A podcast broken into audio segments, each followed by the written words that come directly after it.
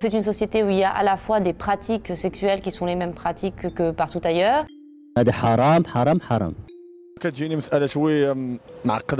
J'entendais toujours le mot ah non, il faut pas faire ça. إلا البنت موافقة والولد موافق الوغ شغلهم هذاك الافلام التركيه هما اللي يخرجوا على الدريات بزاف القانون ما خصوش يجرم هذه المسائل حرام اصلا انا بنفسي ما كنقدرش نصبر لا مستاهل بس نورمال ما كذبش عليك ما كاينش الحب في Au المغرب contraire, on a été capable d'évoluer. هو كيشوف عريانه ما نزقلهاش 18e siècle mais on n'arrive pas à علاش assumer علاش غنجرموهم En gros, faites ce que vous voulez, mais faites-le en cachette.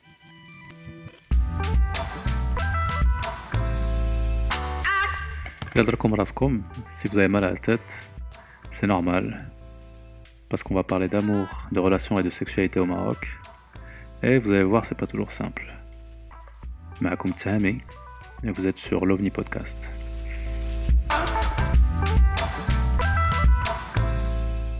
Yallah, ok. Allez, on est live. Salut Soumeya, Salut. ça va? Ouais, ça va, Alhamdoulilah, et toi? Ouais, super. Merci beaucoup hein, d'avoir accepté de faire de l'épisode. Il n'y a pas de problème. Ça me fait plaisir. Et moi, ça me fait plaisir, euh, d'autant plus que c'est un sujet, euh, c'est un sujet très intéressant et je pense que c'est un sujet dont on parle pas beaucoup. Je dis ça à chaque Mhm. fois en fait que je fais un épisode parce que j'essaie de parler des sujets qui, mais, mais je crois pour le coup vraiment être le sujet d'y le rapport, euh, le rapport au corps et à la sexualité pendant la grossesse et après l'accouchement, c'est c'est un sujet qui, euh, bah, pour lequel il y a, il y a beaucoup de, de fausses idées, on entend beaucoup de choses et il y a beaucoup de culpabilité aussi qui se crée dessus. Donc, euh, je suis très content qu'on en parle. Et euh, Mhm. puis avant de commencer le sujet, est-ce que tu peux te présenter, s'il te plaît? Bien sûr. Donc, je m'appelle Soumeya, je suis franco-marocaine. J'ai 27 ans et euh, je suis coach en développement personnel et j'aide les gens qui sont un peu paumés dans leur vie, qui traversent une crise existentielle. Et la raison pour laquelle je fais ça, c'est en partie parce que moi-même, après avoir donné la vie et pendant ma grossesse, je Mhm. me suis retrouvée euh, vraiment confuse. J'avais l'impression de plus savoir qui j'étais. Et Mhm. donc, c'est quelque chose que je fais et je pense que c'est pour ça que je suis là avec toi aujourd'hui. C'est pour parler de mon expérience en tant que mère. Euh, et euh, ouais, ce que j'ai traversé quand euh, j'étais enceinte et, et quand j'ai donné la vie. Mhm. Et Soumaïa, donc, euh, avant de, avant de devenir maman, est-ce que, est-ce que tu te posais des questions sur l'impact que ça, que ça pouvait avoir sur, sur le rapport que tu as avec ton propre corps et à ta vie sexuelle aussi? Non, pas du tout. J'y avais jamais pensé et je pense que c'est parce que c'est pas un sujet qui est euh, commun, c'est pas quelque chose qu'on va étudier en cours, en sciences, à l'école. C'est pas quelque chose que j'ai abordé avec euh, mes sœurs ou ma mère. Je suis la, la première à avoir donné la vie Mhm. dans ma famille. Euh, et parmi mes amis aussi, j'étais la première, j'étais la plus jeune à, à avoir un enfant, etc. Donc, il n'y avait pas vraiment de personnes expérimentées autour de moi déjà. Mhm. Euh, ensuite, j'avais cette impression que après l'accouchement, j'allais retrouver mon corps d'avant. Euh, Mhm. Et jamais personne ne m'a dit non, non, mais en fait, pas du tout. C'est vraiment, euh, il y aura, y aura une grande différence entre la personne que tu étais, le corps que tu avais avant l'accouchement et après. Et Mhm. aussi, pas seulement du point de vue corporel, mais aussi émotionnel et psychologique. Personne ne m'avait préparé. Donc, euh, à la fois, il n'y avait pas ces pensées-là parce que ben, personne ne te le dit. Mhm. Et euh, et il n'y avait personne avec qui en parler aussi. Ouais. Et dans ton entourage, par exemple, moi je pense à, aux femmes qui, euh, qui t'entourent. Est-ce que, euh, est-ce que c'est un sujet qui, qui était parfois abordé? Et si c'est le cas, est-ce que, est-ce- comment tu, comment c'était abordé euh, euh, dans ton entourage? Euh, je me rappelle, euh, j'avais un, j'ai une bonne euh, relation avec ma mère, du coup, je lui parlais souvent de comment je me sentais.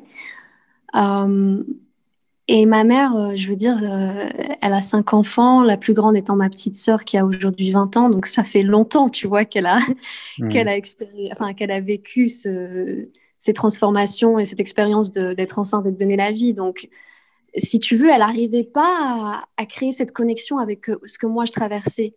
Surtout que je suis passée par une, euh, une période de dépression. J'ai eu une, euh, une dépression prénatale et postnatale.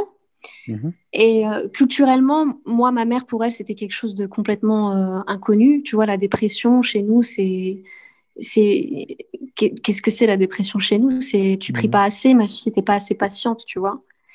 Ouais. Donc déjà, il y avait ce, ce néant un peu entre nous quand je parlais de ce que je ressentais, des transformations dans mon corps. Et puis il y a aussi cette pudeur quand tu parles avec ta mère aussi. Ouais. Euh, j'ai jamais parlé de sexualité avec mes parents. hein. Je- Donc ce côté-là, je je l'aborderai pas et je l'abordais pas à l'époque aussi. Mhm. Euh, sinon, les autres femmes autour de moi, moi j'étais du genre à, à faire des recherches sur Google, tu vois. Mhm. Quand Ouais. j'étais stressée, quand je me sentais un peu anormale, euh, si on prend l'exemple de la vie sexuelle, par exemple, quand euh, ton désir, quand tu es enceinte, il, il est complètement différent d'un mois à l'autre, d'une semaine à l'autre, tu commences à te poser des questions, tu tapes sur Mhm. Google, euh, qu'est-ce qui va pas avec moi, tu vois. Et Google, c'est le pire ami que tu peux avoir. Tu finis toujours par avoir un problème dix fois plus grave que ce que tu pensais. Exactement, tu Ouais. ouais, voilà. Même après l'accouchement, euh, j'ai mis beaucoup de temps à, à reconstruire euh, un rapport avec la sexualité qui était sain parce que euh, c'était très douloureux, tu vois. Et pareil, personne ne m'a dit, ben, après l'accouchement, ça risque d'être douloureux, peut-être, peut-être pas. Mais si ça l'est, il faut faire ci, ça et ça, tu vois. Personne ne m'a dit ça. Et j'avais pas de rapport avec mon médecin traitant qui faisait que j'étais à l'aise pour parler de ces choses-là parce que j'avais jamais le même médecin traitant déjà, d'une. Mhm. Donc, tu te retrouves sur Google à taper euh, pourquoi ça fait mal, pourquoi j'ai pas envie, euh, Mhm. et tu, tu te dis, mais est-ce que je suis asexuelle ou pas? Parce que je coche toutes les cases, tu vois. Ouais. Donc, ouais, c'est une période assez difficile, et c'est pour ça que maintenant, je suis contente de, de parler davantage de ce sujet, de dire aux femmes qui, euh, qui sont déprimées quand elles sont enceintes ou qui, qui se retrouvent à ne plus aimer leur corps après avoir donné la vie que c'est normal et qu'il y a certaines choses à faire, il y a certaines étapes à suivre qui font que le, le chemin est moins difficile. Ouais. Et, et à ton avis, enfin, je ne sais pas si tu as une réponse à cette question parce qu'elle est très, elle est très vaste, mais euh, le, le- il y a un tabou autour de la sexualité pendant la grossesse et, et des deux côtés d'ailleurs, enfin, on va dire dans un couple hétérosexuel. Euh, du côté de la femme, euh, comme tu dis, il y a, il y a des, y a certains changements auxquels peut-être elle n'est pas préparée ou il n'y a pas eu suffisamment de, de discours là-dessus. Euh, il y a aussi pas mal de pas mal d'hommes qui ont qui ont des difficultés aussi à imaginer une vie sexuelle avec leur euh, leur femme enceinte. Donc il y a beaucoup, on va dire, il y a beaucoup d'incompréhension, il y a beaucoup de difficultés à, à aborder le sujet. Pourquoi, à ton avis, c'est aussi euh, c'est aussi tendu et, et sensible comme comme sujet? Je pense que il y a plusieurs raisons, comme tu l'as dit. Une des raisons, c'est sûrement euh, la façon dont on voit la mère en général. La mère, c'est Mhm. peut-être quelque chose de sacré pour certains hommes. Et quelqu'un qui porte la vie, c'est quelqu'un qu'on ne devrait pas sexualiser, toucher, euh, percevoir d'une certaine façon. Je pense qu'il y a un peu de ça. Euh, après, pour les hommes qui n'ont pas ce problème de, de mal définir euh, la femme enceinte ou la femme euh, mère, on va dire, il y a aussi beaucoup de mythes autour de la sexualité pendant la grossesse, le fait que peut-être ça, ça peut faire mal, peut-être qu'il y a, il y a des, des positions qui vont faire qu'on touche le bébé, des trucs un peu fous, tu vois, des, des Hmm. espèces de, De légendes urbaines, ouais. des légendes, des, lé- des légendes, je t'ai dit, des légendes, ouais, qui font que on, on se met des, des barrages, alors qu'au final, euh, à mon avis, c'est le meilleur moment de développer sa sexualité avec son conjoint parce que après, ça devient compliqué un peu. Ouais. Donc ces neuf mois-là, c'est un peu les derniers neuf mois de liberté. Ah, c'est intéressant que tu dises ça, parce que c'est pas du tout l'image qu'on en a. Non, on, enfin, on a l'impression que ça, ça s'arrête au début de la. Ça y est, dès qu'on qu'on commence à, Mm. à voir les signes de, de- de grossesse, je pense que beaucoup de gens se disent, eh ouais, ça fait, c'est un peu la fin. Ouais, bah, je pense que c'est pas du tout ce, ce- le raisonnement qu'il faut suivre parce que, au contraire, la femme enceinte, elle va avoir beaucoup de besoins en termes de, euh, de présence, d'attention, de désir Mhm. sexuel. Enfin, tout le monde est différent, bien sûr. Ouais. Euh, mais je sais que personnellement, quand j'étais enceinte, j'avais énormément de désir Mhm. et que, ouais, c'était le moment parfait de, d'un peu explorer euh, ma sexualité, etc., et de me rapprocher de, de mon conjoint avant Mhm. cette étape décisive qui allait être d'avoir un enfant ensemble, tu vois. Ouais. Donc, pour moi, au contraire, il faut encourager le contact, encourager la découverte pendant ces neuf mois-là, parce que après, il y a, y a les nuits sans sommeil, il y a la nouvelle Mhm. routine, il y a devoir mettre quelqu'un, euh, l'enfant en premier, en priorité, euh, très souvent. Il y a, il y a moins de temps, il y a moins d'énergie, etc. Donc, ouais, non, pas du tout. Et puis, tous les mythes, là, il faut faire des recherches, euh, j'allais dire Google. ouais, pour les, dé- Pour- pour les démonter un petit peu. ouais. Ouais, exactement. La plupart du temps, c'est c'est très safe d'avoir des relations pendant la grossesse, il n'y a pas de souci. Mhm. Euh, même jusqu'à la fin, surtout à la fin quand euh, le bébé ne veut pas sortir, par exemple. Au contraire, avoir des rapports, ça peut être un moyen de, de Mhm. déclencher l'accouchement, etc. Donc, c'est, ouais, il n'y a pas de souci. Il faut arrêter de, de croire les choses qu'on entend sans, sans savoir si c'est vrai ou pas. Mhm. Et toi, pendant, pendant ta grossesse, tu n'avais pas de mal à parler de ça avec ton, ton conjoint? Euh, bizarrement, ouais, pendant la grossesse, ça allait beaucoup mieux qu'après. Mhm. D'accord. Ouais. euh, Bon, après, on n'était pas des très grands euh, communicateurs parce qu'on était jeunes et qu'on avait peu d'expérience. Euh, mais je me souviens que oui, ça, ça allait mieux pendant la grossesse qu'après parce que, bon, après, ma dépression, elle a un peu... euh, elle a augmenté avec le temps. Mhm. Elle s'est détériorée, je veux dire, mon état euh, mental. Ouais. Donc, c'est de plus en plus difficile de, de parler, de s'exprimer, de communiquer de façon positive et sereine avec le Mhm. temps. Et justement, une fois que tu, que tu as accouché, est-ce que tu peux me parler un petit peu de comment a le rapport, ton rapport à, à ton propre corps a, a changé, euh, que ce soit, que ce soit positivement ou négativement, euh, Mm. quel impact ça a eu? euh Enfin, quand je dis ces rapports au corps, il y a- bien sûr, il y a aussi le rapport à euh, il y a aussi le côté mental aussi. C'est pas uniquement, euh, je, sais- enfin, je comprends bien que c'est, qu'il y a une, variable, euh, exactement. Hmm. Ouais, bah, euh, moi personnellement, j'ai perdu beaucoup de poids. Et Mhm. je sais que pour la plupart des femmes, c'est l'inverse, mais le résultat, il, il est le même au final. Il y a un espèce de sentiment de plus reconnaître son corps déjà. Mhm. Euh, donc, euh, je me souviens, euh, je me regardais dans le miroir et je me reconnaissais pas, je me sentais pas bien dans ma peau. Et ça, c'était, assez nouveau pour moi, tu vois. Mhm. Et comme, comme je t'avais dit, il y avait cette déception de ne pas retrouver mon corps d'antan après l'accouchement. Et ce que je veux dire par là, c'est tu ressens des douleurs que tu n'as jamais ressenties avant. Enfin, tu as la Mhm. poitrine qui change parce que voilà, tu, tu produis du lait. Ouais. Euh, tu... Déjà, si tu allaites en plus, si on va dans l'allaitement aussi, ton corps n'est plus vraiment le tien parce que tu le mets à la disposition de ton enfant assez fréquemment pendant la journée. Mhm. Euh, il y a le, le muscle du périnée aussi qui, bah, qui, qui est complètement chamboulé par l'accouchement naturel. Mhm. Euh, donc tu te retrouves à, à galérer pour te retenir quand il faut, il faut faire pipi. Si quelqu'un te fait rire, tu te fais pipi dessus. S'il faut courir, tu te fais pipi dessus. Euh. Ouais, non, il y a toute une rééducation qu'il faut faire seule. C'est ça qui m'a le plus choqué, c'est que j'étais seule face à moi-même et ces changements et que j'étais pas préparée. Donc mon rapport à mon corps, il a vraiment, je, j'étais pas bien dans ma peau en fait pendant très longtemps. Est-ce que toi, avant, tu, enfin, tu, étais quelqu'un qui, qui avait un, un rapport, euh, on va dire, positif euh, à ton corps? Hmm.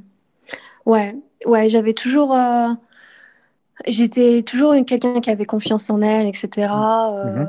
Quelqu'un qui, même si j'étais assez fine, même si je me prenais des réflexions du genre, ouais, tu sais, euh,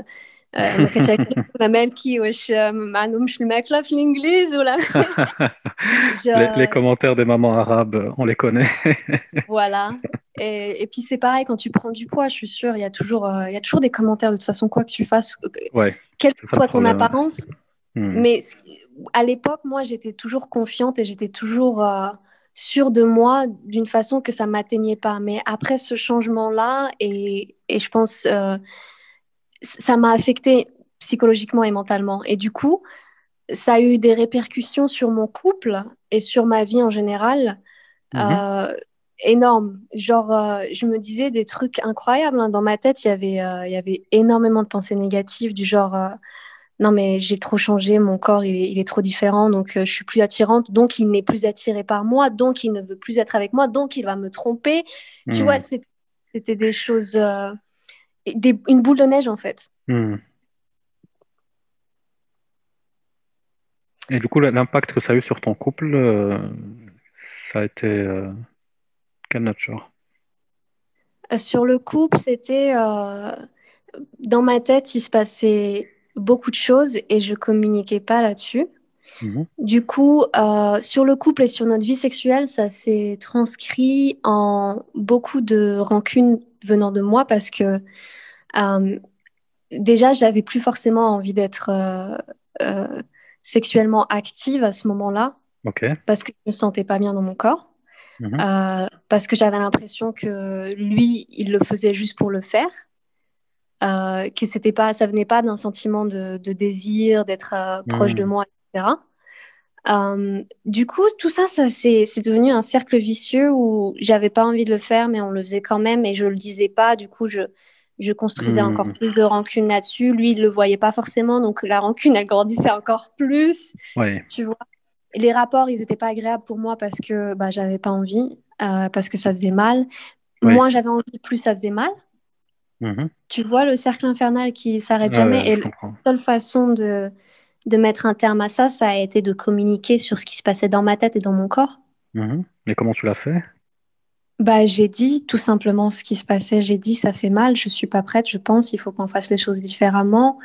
Euh, j'ai, ouais, je pense que cette communication, souvent les femmes pensent que l'homme sait ce qui se passe, mais en fait, il a aucune idée de ce qui se passe. Moi, je pense vraiment, je, je, je pense qu'il il faut vraiment partir du principe que le mec n'a absolument aucune idée. Même si Ouais. il enfin, il s'avère que, que c'est faux, mais it's a, it's a safe assumption, je pense, à avoir. Mm. C'est tout bête, si, hein, parce que nous aussi, je pense qu'on a, qu'on a absolument zéro information sur, sur ces sujets-là. Donc, euh, on ne sait pas trop, en fait. On ne comprend pas tout à fait ce qui, ce qui se passe. C'est pas pour dire que qu'on n'est pas responsable, tu vois. On est tous responsables d'aller chercher les informations quand ta femme est enceinte, d'essayer de Mm. comprendre peut-être son état mental, ce qui se passe dans son corps et tout. Mais c'est pas pour dire que les hommes, ça y est. Mais, mais bon, il y y a- il y a encore aussi un, je pense, un long chemin avant qu'on puisse euh, avoir autant d'informations qu'on qu'on en a besoin. ouais. Et en plus du manque d'informations, il y a un espèce de romanticisme de la vie après l'accouchement dans les films aussi. Ah oui? Euh, ouais, ouais, ouais. Bah, je sais pas, tu sais, quand tu regardes des films, déjà la meuf, elle est belle après l'accouchement et tout. On dirait qu'il s'est rien passé. Moi, j'avais l'impression qu'il y avait un train qui m'avait écrasé. Hein. Ouais, tu m'étonnes. Ah ouais. Euh, Il y a ça, même dans, ouais, dans les films, les relations de couple, tout va bien après l'accouchement, etc. Du coup, euh, moi, j'étais persuadée qu'il était censé savoir ce qui se passait dans mon corps et dans ma tête. Mais Mhm. non, c'est jusqu'au moment où je lui ai expliqué et qu'on a fait les choses différemment que euh, les choses ont été plus saines et, et, et plus faciles pour moi et Mhm. pour lui, du coup. Et comment il a réagi, lui, quand tu as, quand tu as mis le sujet sur la table? Bah, franchement, ça a été surprenant parce que souvent, on s'attend à ce que le conjoint euh, le prenne mal Mhm. ou, ou soit défensif, sur la défensive parce que du coup, il se dit c'est moi qui ai fait quelque chose de mal ou elle me dit que je suis pas bon ou nanani, nanana. Mais en fait, non, la plupart du temps, ça se passe pas comme ça. La plupart du temps, la personne, elle est ouverte à améliorer les choses parce que ça la concerne aussi, parce qu'elle t'aime et qu'elle veut le meilleur pour toi aussi, tu vois. Mhm. Donc, euh, ouais, c'est, c'est comme ça que ça s'est passé. C'est comme ça que ça se passe dans le meilleur des cas et dans la plupart des cas aussi. Quand moi, je coach mes clients Mhm. et que je- leur dis, euh, il faut avoir le courage de dire les choses telles qu'elles sont. Et Mhm. la première chose qu'ils me disent, c'est non, mais il va réagir d'une telle façon, il va réagir comme ci, comme ça. Et moi, à ce moment-là, je leur dis, mais qu'est-ce qui te fait dire que ça va être comme ça pour sûr, tu vois? Oui. Et ils n'ont pas la réponse à ça, ils savent pas. C'est juste leur, leur cerveau est tellement euh, entraîné à se préparer au pire Que c'est naturel pour eux de raisonner de, de cette façon pessimiste. Et quand ils le font vraiment, Mhm. quand ils ont vraiment cette, euh, cette conversation, ils sont surpris de voir que la personne, au final, elle- non, elle est contente d'améliorer les choses. Qui ne serait pas content Ouais. d'améliorer les choses dans son couple, dans sa famille? Mhm. Oui, c'est vrai, c'est vrai. Après, je pense qu'il y a aussi certains, certains couples ou certaines personnes en général qui, qui ont tendance à mal réagir à ce genre de, de discussion parce que, comme tu as dit, on le prend, on le prend personnellement. Tu vois, on se dit, euh, bah voilà, elle est en train de me, me pointer du doigt, elle, peut-être qu'elle n'a pas envie de moi, elle trouve des excuses. Donc, il y a, il y a toutes sortes de réactions qui ne sont pas toujours, euh, qui sont pas toujours euh, saines. Mhm. Mais dans tous Tout les cas, fait. la solution, c'est c'est d'en parler. C'est vrai, parce que dans ce cas-là, tu dois te poser la question, si je continue comme ça à garder le silence et à souffrir et, et avoir des rapports qui me font du mal Hmm. et à avoir de la rancune pour mon partenaire, qu'est-ce qui va se passer? Eh Ouais. ben, vous allez aller droit au mur quoi qu'il arrive. Si j'ouvre la conversation euh, et qu'il réagit de façon et qu'il se sent coupable, qu'il se sent euh, visé, euh, il y aura quand même une solution après cette conversation-là. Donc, ça veut dire qu'il faut faire un travail sur ce que lui, il ressent à ce moment-là. Peut-être une thérapie de couple, peut-être euh, voir quelles sont ses insécurités, mais au moins, on ne va pas droit au mur. Hmm. Ouais, tu as raison. Et j'étais en train de me dire aussi quelque chose, euh, peut-être à de la difficulté qu'on a à aborder ces sujets. euh, là, je parle pour, enfin, je parle pour les, pour les femmes qui, qui accouchent. Ces difficultés, peut-être qu'elles viennent du décalage en- entre ce qu'on nous vend comme, comme étant l'expérience d'être une jeune maman, euh, qui est une expérience, comme tu as dit, qui est un peu roman... je sais pas c'est quoi le terme en français, ro- romancisé ou le romanticisé? Bref. Ouais. On, Moi, j'ai mot tout à l'heure. Ouais. Oui, donc en gros, on, on nous vend une histoire assez, assez, assez belle, assez rose, que une fois que tu Mhm. seras, que tu seras maman, tu vas voir, tu vas voir l'excès de, Ouais. euh, d'affection pour ton enfant, tu vas comprendre, Mhm. peut-être si tu n'étais pas convaincu du fait d'avoir des enfants, ben maintenant tu vas comprendre à quel point c'était, voilà, c'était incroyable et que tu as perdu du temps avant de l'avoir et machin. Donc il y a un décalage entre l'image qu'on nous vend, qui est une image un peu Netflix, et la réalité qui, qui dépend de, de la personne, tu vois, et qui est souvent différente. En tout cas, quand j'en ai parlé à des, à des filles, à des jeunes mamans, ou à des, même des mamans en général qui, qui ont fait un peu, un peu d'introspection sur, sur elles, elles, elles disent, oui, là, c'est complètement... euh, ça dépend des filles, et c'est différent. Et c'est pas toujours aussi rose, et parfois c'est compliqué, parfois tu as, des dépressions qui sont pas qui sont même pas reconnues parce que on, on met ça sur le sur le sur le compte les hormones et compagnie, mais Mhm. bref, est-ce que tu, tu, tu penses que le décalage à date, ça ouais, joue sur le fait que qu'on n'arrive pas vraiment à qu'on culpabilise, qu'on se dit peut-être que nous on est on est différentes et qu'il faudrait qu'on bah, qu'on garde ça pour nous parce que Mhm. euh, it's not supposed to- enfin c'est pas censé être comme ça, tu vois. Complètement, complètement. Je pense qu'il y a un, un grand sentiment de shame, comment on dit shame, de honte. De honte, ouais. De honte quand, quand tu accouches et que tu ne te sens pas comme tu es censé te sentir, c'est-à-dire épanouie, heureuse d'être maman, euh, Mhm. en forme et en charge de tout ce qui se passe. Euh, moi, je l'ai, complètement ressenti et ça m'a pris beaucoup de temps de, d'en parler. Mhm. euh, parce que j'étais perçue comme quelqu'un qui se plaignait quand j'en parlais avec ma famille. Mhm. Euh, ouais, j'ai entendu des trucs du genre Gouli Hamdoullah ou Skti, tu vois. Ah oui, pour les gens qui en comprennent pas l'arabe, c'est euh, remercie Dieu et tais-toi. Voilà, c'est ça. Hmm. Parce que j'avais du mal à. J'avais du. enfin, franchement, j'avais du mal à. J'allais dire survivre. Euh, c'est un peu dramatique, mais psychologiquement, ouais, c'était difficile. Euh, Il y a une espèce de d'attente sur toi Mhm. qui dit euh, bon, voilà, tu viens de donner la vie. Mhm. Euh, quand tu es mariée, tu as ton rôle de femme. Mhm. Pour certaines, il y a le travail aussi, il y a la maison à maintenir. Donc, tu as genre trois, quatre choses à jongler et euh, on te fait croire que c'est possible de tout jongler de façon épanouie et, et facile, etc. Alors qu'en fait, non, pas du tout. Et, et c'est aussi acceptable d'avoir du mal et de demander de l'aide. Mais ça, Mhm. c'est rare qu'on l'entende en fait. C'est rare qu'on te dise, euh, écoute, euh, si tu, si tu galères dans ta relation de couple, bah, va voir quelqu'un. Si ça va pas psychologiquement, va voir quelqu'un. Tu vois, ça, personne ne te le dit. On te dit juste, ça va aller avec le temps. Mais non, Mhm. le temps, ça fixe pas tout. En fait, ça règle pas tout le temps. Ouais. au contraire, parfois, le temps fait que les choses empirent. Et, et c'est ce qui s'est passé dans mon cas aussi. C'est euh, des Mhm. années et des années à, à essayer de, de tout gérer et à croire que c'était moi le problème. Tu vois, comme tu disais, Ouais. euh, à cause de cette image qu'on nous, qu'on nous apprend, qu'on nous inculque, de la Mhm. femme parfaite, de la mère parfaite, de la femme au foyer, etc. Et ben, quand on n'arrive pas à performer dans cette image-là, on croit que c'est nous le problème. Donc, on essaye de, de régler des, des critères qui, en fait, au final, ne sont pas les critères qu'il faut changer. Ouais, ouais, je comprends. Et est-ce qu'on t'avait, là, tu me, tu me fais penser à un truc, est-ce que tu avais reçu des conseils euh, avant, avant d'être euh, d'être maman et qui se sont avérés complètement, euh, complètement nuls, des conseils non, non utiles? Ah, c'est une très bonne question, ça. Je suis sûre à 100% qu'il y a des trucs qu'on m'a dit que, après avoir essayé, j'ai dû me dire, mais n'importe quoi.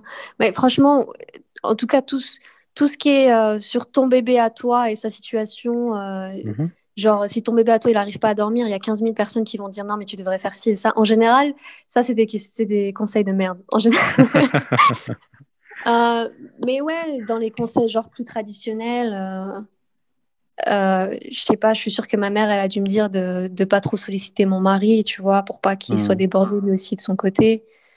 Euh, alors qu'au final, euh, ouais, non, je pense que j'aurais dû le solliciter beaucoup plus et surtout insister pour qu'on pour qu'on m'aide euh, psychologiquement, parce que j'ai pas insisté en final. Enfin, je sais pas euh, si on est censé insister. Je pense que, Déjà, je pense que oui. Je pense que oui. Zama, Ouais, je comprends ce que tu veux dire. Tu n'es pas censé insister dans le sens où idéalement, euh, tu devrais, enfin, tu devrais pouvoir euh, faire passer le message bah, la première fois, mais je crois que quand on est Mhm. un peu en détresse, il faut, il faut insister. euh, En tout cas, il faut, il faut Mhm. pas, il faut pas se, faut pas se taire, quoi. Ouais, ouais, ouais. Donc il y avait toujours ces conseils un peu qui, bah, qui reviennent au fait que si tu n'obtiens pas l'aide dont tu as besoin, ben, sabré, sois patiente et, et continue toute seule, tu vois. Est-ce qu'il y a eu des conseils sur, euh, sur ta sexualité qui se sont avérés d'être des, des conseils de merde? Alors sur la sexualité, non, malheureusement, parce que malheureusement parce que c'était pas un sujet que j'avais avec pas. euh, qui que ce Mhm. soit. Ouais. J'aurais voulu avoir un ami ou une amie avec qui j'aurais pu débriefer sur la sexualité après, après l'accouchement, des trucs comme ça, mais vraiment, il n'y avait personne. La Et à solitude. contrario, est-ce que, est-ce qu'il y a eu des, est-ce qu'il y a des conseils que tu aurais aimé qu'on te donne, tu vois? Maintenant, avec du recul, euh, qu'est-ce que tu aurais aimé qu'on te dise euh, pour te préparer à, bah, à ta vie de, de jeune, jeune maman? Alors, le premier euh, qui aurait... J'en reviens y en avoir 10, tu sais. C'est clair, je, je me dis alors, 1 sur 12, T'as combien de temps devant toi? j'ai tout le temps qu'il faut, vas-y.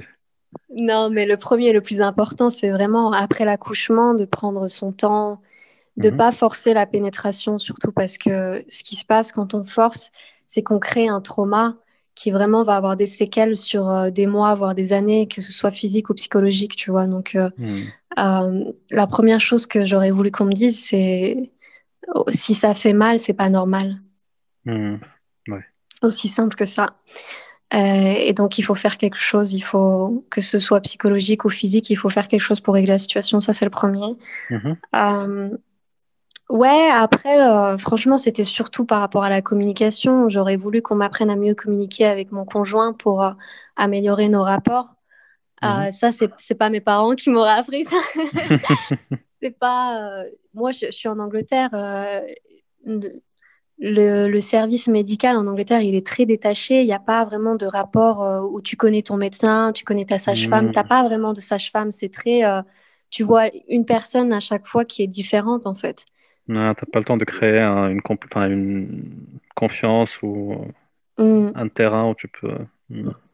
Ouais. Et l'autre conseil que j'aurais voulu qu'on me donne, c'est euh, bah, demande à des professionnels qui seront là pour toi de façon personnalisée. Donc, euh, je, je mentionne souvent la thérapie. Bon, maintenant, moi, je fais du coaching, du coup, si... mais je savais même pas que ça existait le coaching. Si Ouais. j'avais su, j'aurais adoré avoir un coach en relation ou même en sexualité. Tu vois, moi, c'est un Ouais. sujet que je commence à aborder avec mes clients et, Mhm. et c'est tellement libérateur d'avoir un espace où tu peux parler de ces choses-là sans jugement. Ouais. Parce que quand tu as ces conversations-là avec tes sœurs, c'est bizarre, tu vois, tu, tu peux pas trop. euh, Hmm, même avec amis. Ouais, il y a des ouais.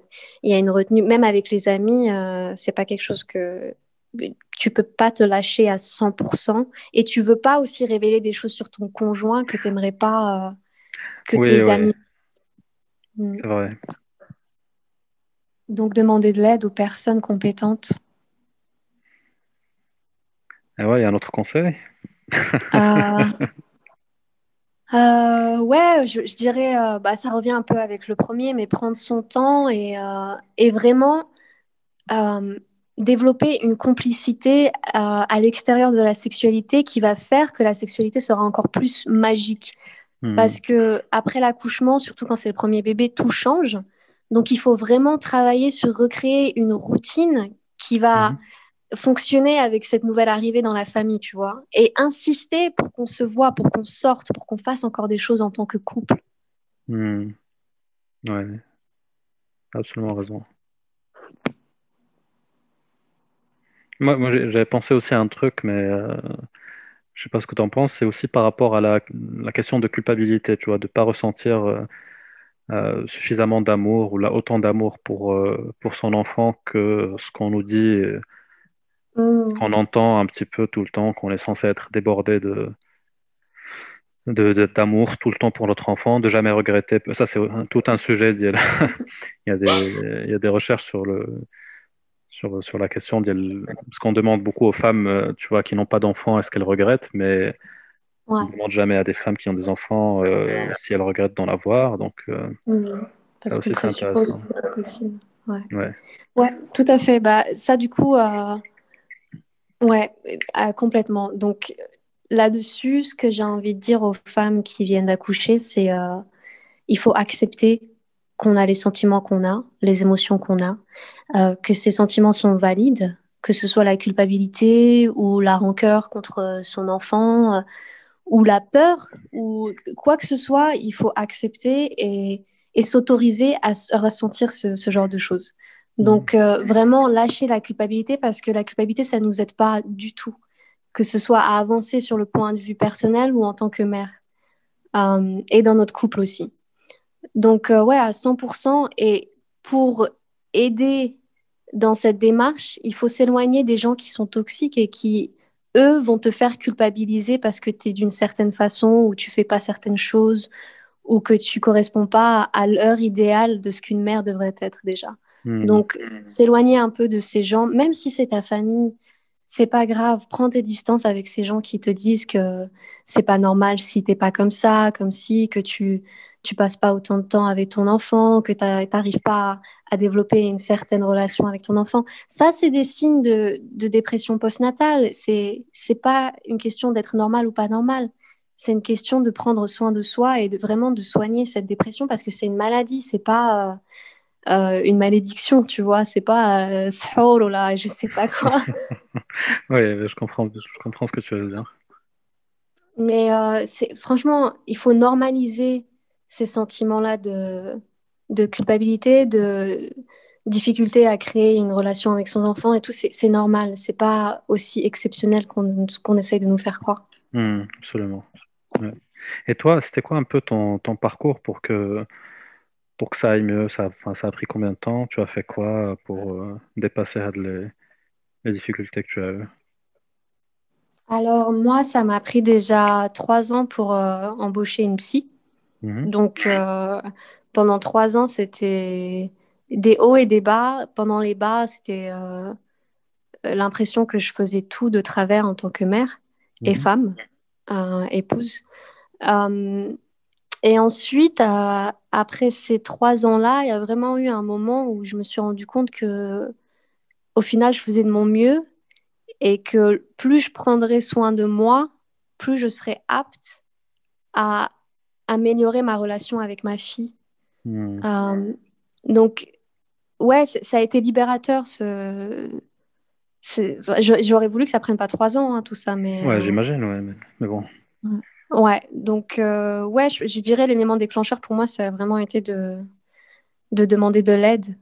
Et maintenant, euh, j'ai aussi réalisé que c'était pas grave si j'avais pas vraiment kiffé le- les premières années de, de la vie de ma fille, que c'était très difficile pour moi et que maintenant qu'elle a 5 ans, que elle est complètement différente, qu'elle peut parler, elle peut jouer, on peut rigoler, on peut danser, Mhm. je kiffe vraiment et que parfois c'est aussi ça, être un parent, c'est euh, ne pas forcément adorer chaque jour, chaque année, chaque expérience, etc., mais accepter qu'on est des êtres humains et qu'on a le droit d'avoir des préférences aussi sur la tranche d'âge de, Ah de ce qui se passe. euh, ouais, parce que ça aussi, c'est un mythe, tu vois. C'est genre, on nous dit, euh, quand t'es parent, t'es, censé tout prendre, tout aimer ou, ou rien du tout. Mais non, en fait, on- tu sais, t'as le droit de, de dire, euh, moi, j'ai pas forcément kiffé la première année parce que je dormais pas. Voilà. Il y a des gens qui disent, mais, non, tu as tellement raison. Mais ouais, pourquoi vous mentez? Pourquoi les gens mentent? Tu sais, malheureusement, le genre de sujet, en fait, tu- je pense quand tu creuses un petit peu, quand tu parles aux gens individuellement, euh, les gens avouent effectivement qu'il y a des périodes qui sont juste beaucoup plus compliquées, des périodes qui sont pas du tout agréables, euh, parce que, comme tu as dit, on est des êtres humains, tu vois, on a des préférences, euh, mais en public, tu vois, en société, on n'a pas envie d'être le premier à le dire, tu vois, parce que on va nous coller l'étiquette pour les femmes, ah, tu es, euh, une mauvaise maman, ah, t'aimes pas tes enfants, ah, t'es mais moi, je me rappelle quand j'étais plus jeune, moi, j'étais pas forcément un, un enfant très, aim- comment on dit ça, très aimable tout le temps, tu vois. Je- je- J'en veux pas, j'en voudrais pas à mes parents s'ils me disent, bah écoute, entre, euh, je sais pas, entre 13 ans et 15 ans, t'étais, t'étais insupportable, tu vois. Et euh, je dis, bah ok, tu vois ce que je veux dire? Et c'est le cas aussi pour les nouveau-nés, pour les, à n'importe quel âge. Ça, ça va avec l'idée de se détacher du jugement des autres aussi. Hmm, Ouais. Mm. Ça, c'est un travail important à faire, que ce soit dans son, son rôle de, de parent, d'époux, ou même euh, en général dans ta vie de, de tous les jours. C'est vraiment un truc libérateur, quoi, de se dire, euh, bah moi j'ai décidé d'être comme ça, je l'assume, Mhm. et si les autres ne sont pas contents, ben c'est leur problème, c'est plus le mien en fait. Moi aussi, j'ai, on m'a dit que j'étais une mauvaise mère parce que j'avais fait des choix à des moments où voilà, j'ai, j'ai privilégié ma, ma vie professionnelle ou, ou ma santé mentale. Mhm. Euh, pour moi, à ce moment-là, c'était c'était ce qu'il y avait de mieux à faire et je l'assume, je l'accepte.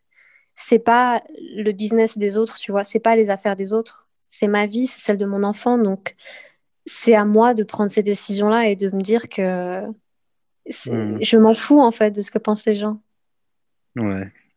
Mais ça va aussi avec la culture, malheureusement. euh, C'est vrai, c'est vrai dire. que ouais, nous deux, on vient d'une culture euh, euh, où, où, ouais, c'est c'est difficile de parler, de parler de ça. Donc, euh, et puis c'est difficile de se détacher du regard des autres parce qu'on existe aussi, enfin, heureusement de moins en moins aujourd'hui, mais on existe quand même souvent à travers euh, ce que les autres pensent de nous. Donc, euh, c'est un travail, c'est un travail qui prend du temps sur soi, Mhm. mais qui, mais qui en vaut la peine, je crois. Enfin, je- j'en suis sûr qu'il en vaut la peine à la fin. À 100%, ouais, ouais, ouais. Euh, Moi, j'ai la chance de, de le voir avec mes clients. Enfin, je pense que quand tu, tu changes du tout au tout, comme moi j'ai changé ces dernières années, tu le vois pas forcément parce que tu n'as pas ce, ce regard extérieur sur ton évolution. Hmm. Mais avec mon travail, alhamdoulilah, j'ai, la chance de voir ça chez les gens. Du Mhm. coup, ça me permet aussi de, d'avoir des réflexions sur mon, mon trajet à moi aussi personnellement. Et ouais, c'est Mhm. définitivement quelque chose qui est.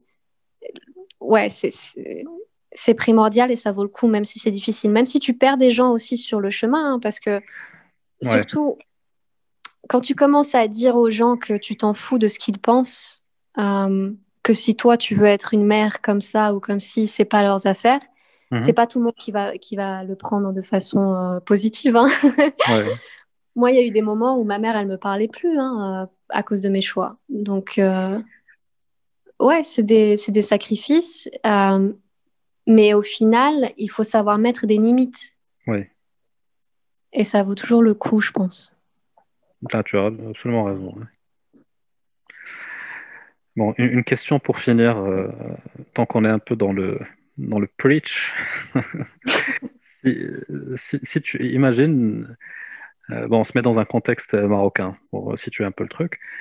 Euh, imagine, tu as une minute ou deux minutes à la radio, dans une heure de, de très grande écoute, pour faire passer un message autour du sujet d'hier- d'aujourd'hui. Euh, Mm. Qu'est-ce que tu dirais? Tu peux prendre du temps pour réfléchir, t'as pas besoin de...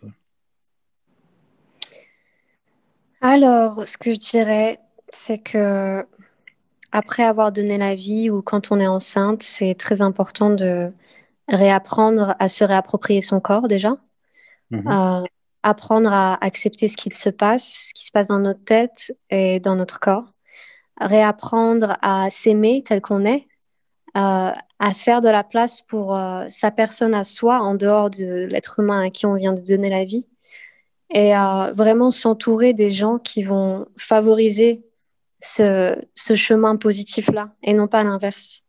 Mhm. Euh, Il y a cette conception que l'amour-propre et la confiance en soi, c'est quelque chose qui sont, c'est des choses qui sont acquises, que soit tu les as, soit tu les as pas, mais en fait pas du tout. C'est des choses qui s'apprennent et parfois on, on oublie comment faire parce qu'il y a des choses qui se passent qui font qu'on change, comme l'accouchement. Euh, et à ce moment-là, il faut réapprendre à faire ces choses-là. Et moi, c'est quelque chose que j'ai pas fait tout de suite et que vraiment j'encourage les femmes qui accouchent à, à faire dès que possible pour pouvoir créer une belle relation avec leur enfant et avec elles-mêmes surtout, et leur conjoint aussi au passage. Mhm. Parfait. J'espère Et que puis ne va. googlez pas, Exactement. ne googlez pas, ne googlez pas, allez voir des professionnels à qui vous faites confiance. ne restez pas éveillé toute la nuit sur Google à vous poser des questions existentielles. Euh, c'est tellement ça. Bah, merci beaucoup, euh, Soumaya, pour ce, vraiment ce magnifique euh, échange. Magnifique. Ah, je te promets, vraiment, c'est... Est-ce que tu veux un de- enfant maintenant ou pas Je peux pas répondre on, on, on- the record. je, te, je te répondrai une fois qu'on aura arrêté l'enregistrement. Offline, off the record. Non, non, mais vraiment, je pense que, à ma blague à part, c'est extrêmement utile ce que tu as dit et tu as, tu as, tu as les bons mots pour le, pour le présenter. Et je suis sûr que, bah, que les filles, ou que, tout le monde, en fait, les filles, les, les, les gars qui vont écouter l'épisode, euh, ça va leur ouvrir les yeux sur plein de choses. Ouais, et puis aussi encourager les mecs à essayer de mieux comprendre ce qui se passe dans le corps d'une femme quand elle accouche et après aussi, ça serait génial, tu vois. Juste pour que, pour faciliter un peu ces communications Hmm. pour les filles qui ont du mal à exprimer déjà à la base leurs sentiments et leurs euh, galères, euh, ça pourrait être bien aussi qu'on s'y mette tous, tu vois, qu'on sache ce qui se passe, même si tout le monde est différent, Mhm. euh, juste d'avoir une idée un peu scientifique de ce qui, ce qui se passe euh, en termes d'hormones, de muscles, etc., de, de comment aider et comment être là pour la personne. Absolument, absolument. Mm. Il faut communiquer. C'est aussi, le, je pense, le, le conseil de chaque, euh, de chaque épisode, en fait. Grave, C'est incroyable. On a un seul moyen en tant qu'être humain de, de faire passer nos idées aux, aux autres personnes qui nous entourent, c'est de, bah, de les verbaliser, en fait. Il n'y a pas de, Exact. pas de- Mm. personne ne lit nos esprits, et puis c'est difficile, mais il faut le faire. Il faut essayer de le faire, en tout cas. C'est pas toujours, euh, pas toujours facile. Il faut apprendre à le faire de façon eff- effective. Absolument. Ok, ok, bah écoute, je suis très content d'avoir fait cet épisode. Je Bah, merci à toi pour l'invitation. c'est un service public que tu viens de rendre. Et, et c'est pas une blague, hein. Là que je te parle très sérieusement. Bah, merci. Et puis, moi, je suis ouverte à la conversation. euh, S'il y a des femmes qui ont besoin de parler, je sais que moi, je me sentais très seule. Ouais. Donc, euh, vraiment, il ne faut pas hésiter. Vraiment, ouais, ouais. Je le dis et ça vient du cœur parce que là, je viens d'avoir un flashback de moi me sentir seule Ouais. quand j'étais enceinte. Je sais que ça fait la différence d'avoir une conversation avec une femme qui, Mhm. Qui elle par là, aussi, ouais, qui est passée par là, ouais. Mhm. Ouais, écoute, euh, les gens qui, qui écoutent cet épisode, euh, contactez Soumaya. De toute façon, je vais laisser tes, euh, ton contact, la description. Et euh, bah oui, enfin moi j'encourage aussi tout le monde, n'importe qui, que ce soit dans, ce, dans le cadre d'une nouvelle, euh, nouvelle maman ou là, dans la vie en général, de- d'aller voir des gens qui, qui peuvent nous aider. Parce que dès que le mythe de s'en sortir tout seul euh, contre vents et marées, c'est pas, ça correspond pas à la réalité en fait. On a Mhm. parfois besoin de quelqu'un qui nous, qui nous aide. Ouais, c'est clair. Tu peux le faire tout seul et ça va prendre du temps, ou tu peux le faire avec quelqu'un et Hmm. ça sera plus facile. Ouais, absolument. Bah écoute, Soumaya, c'était vraiment cool. Merci beaucoup. Merci à toi. Et je te fais un, je te fais un câlin virtuel euh, corona free à distance. All right, got it. Ça marche? Ça marche. Merci beaucoup. À bientôt.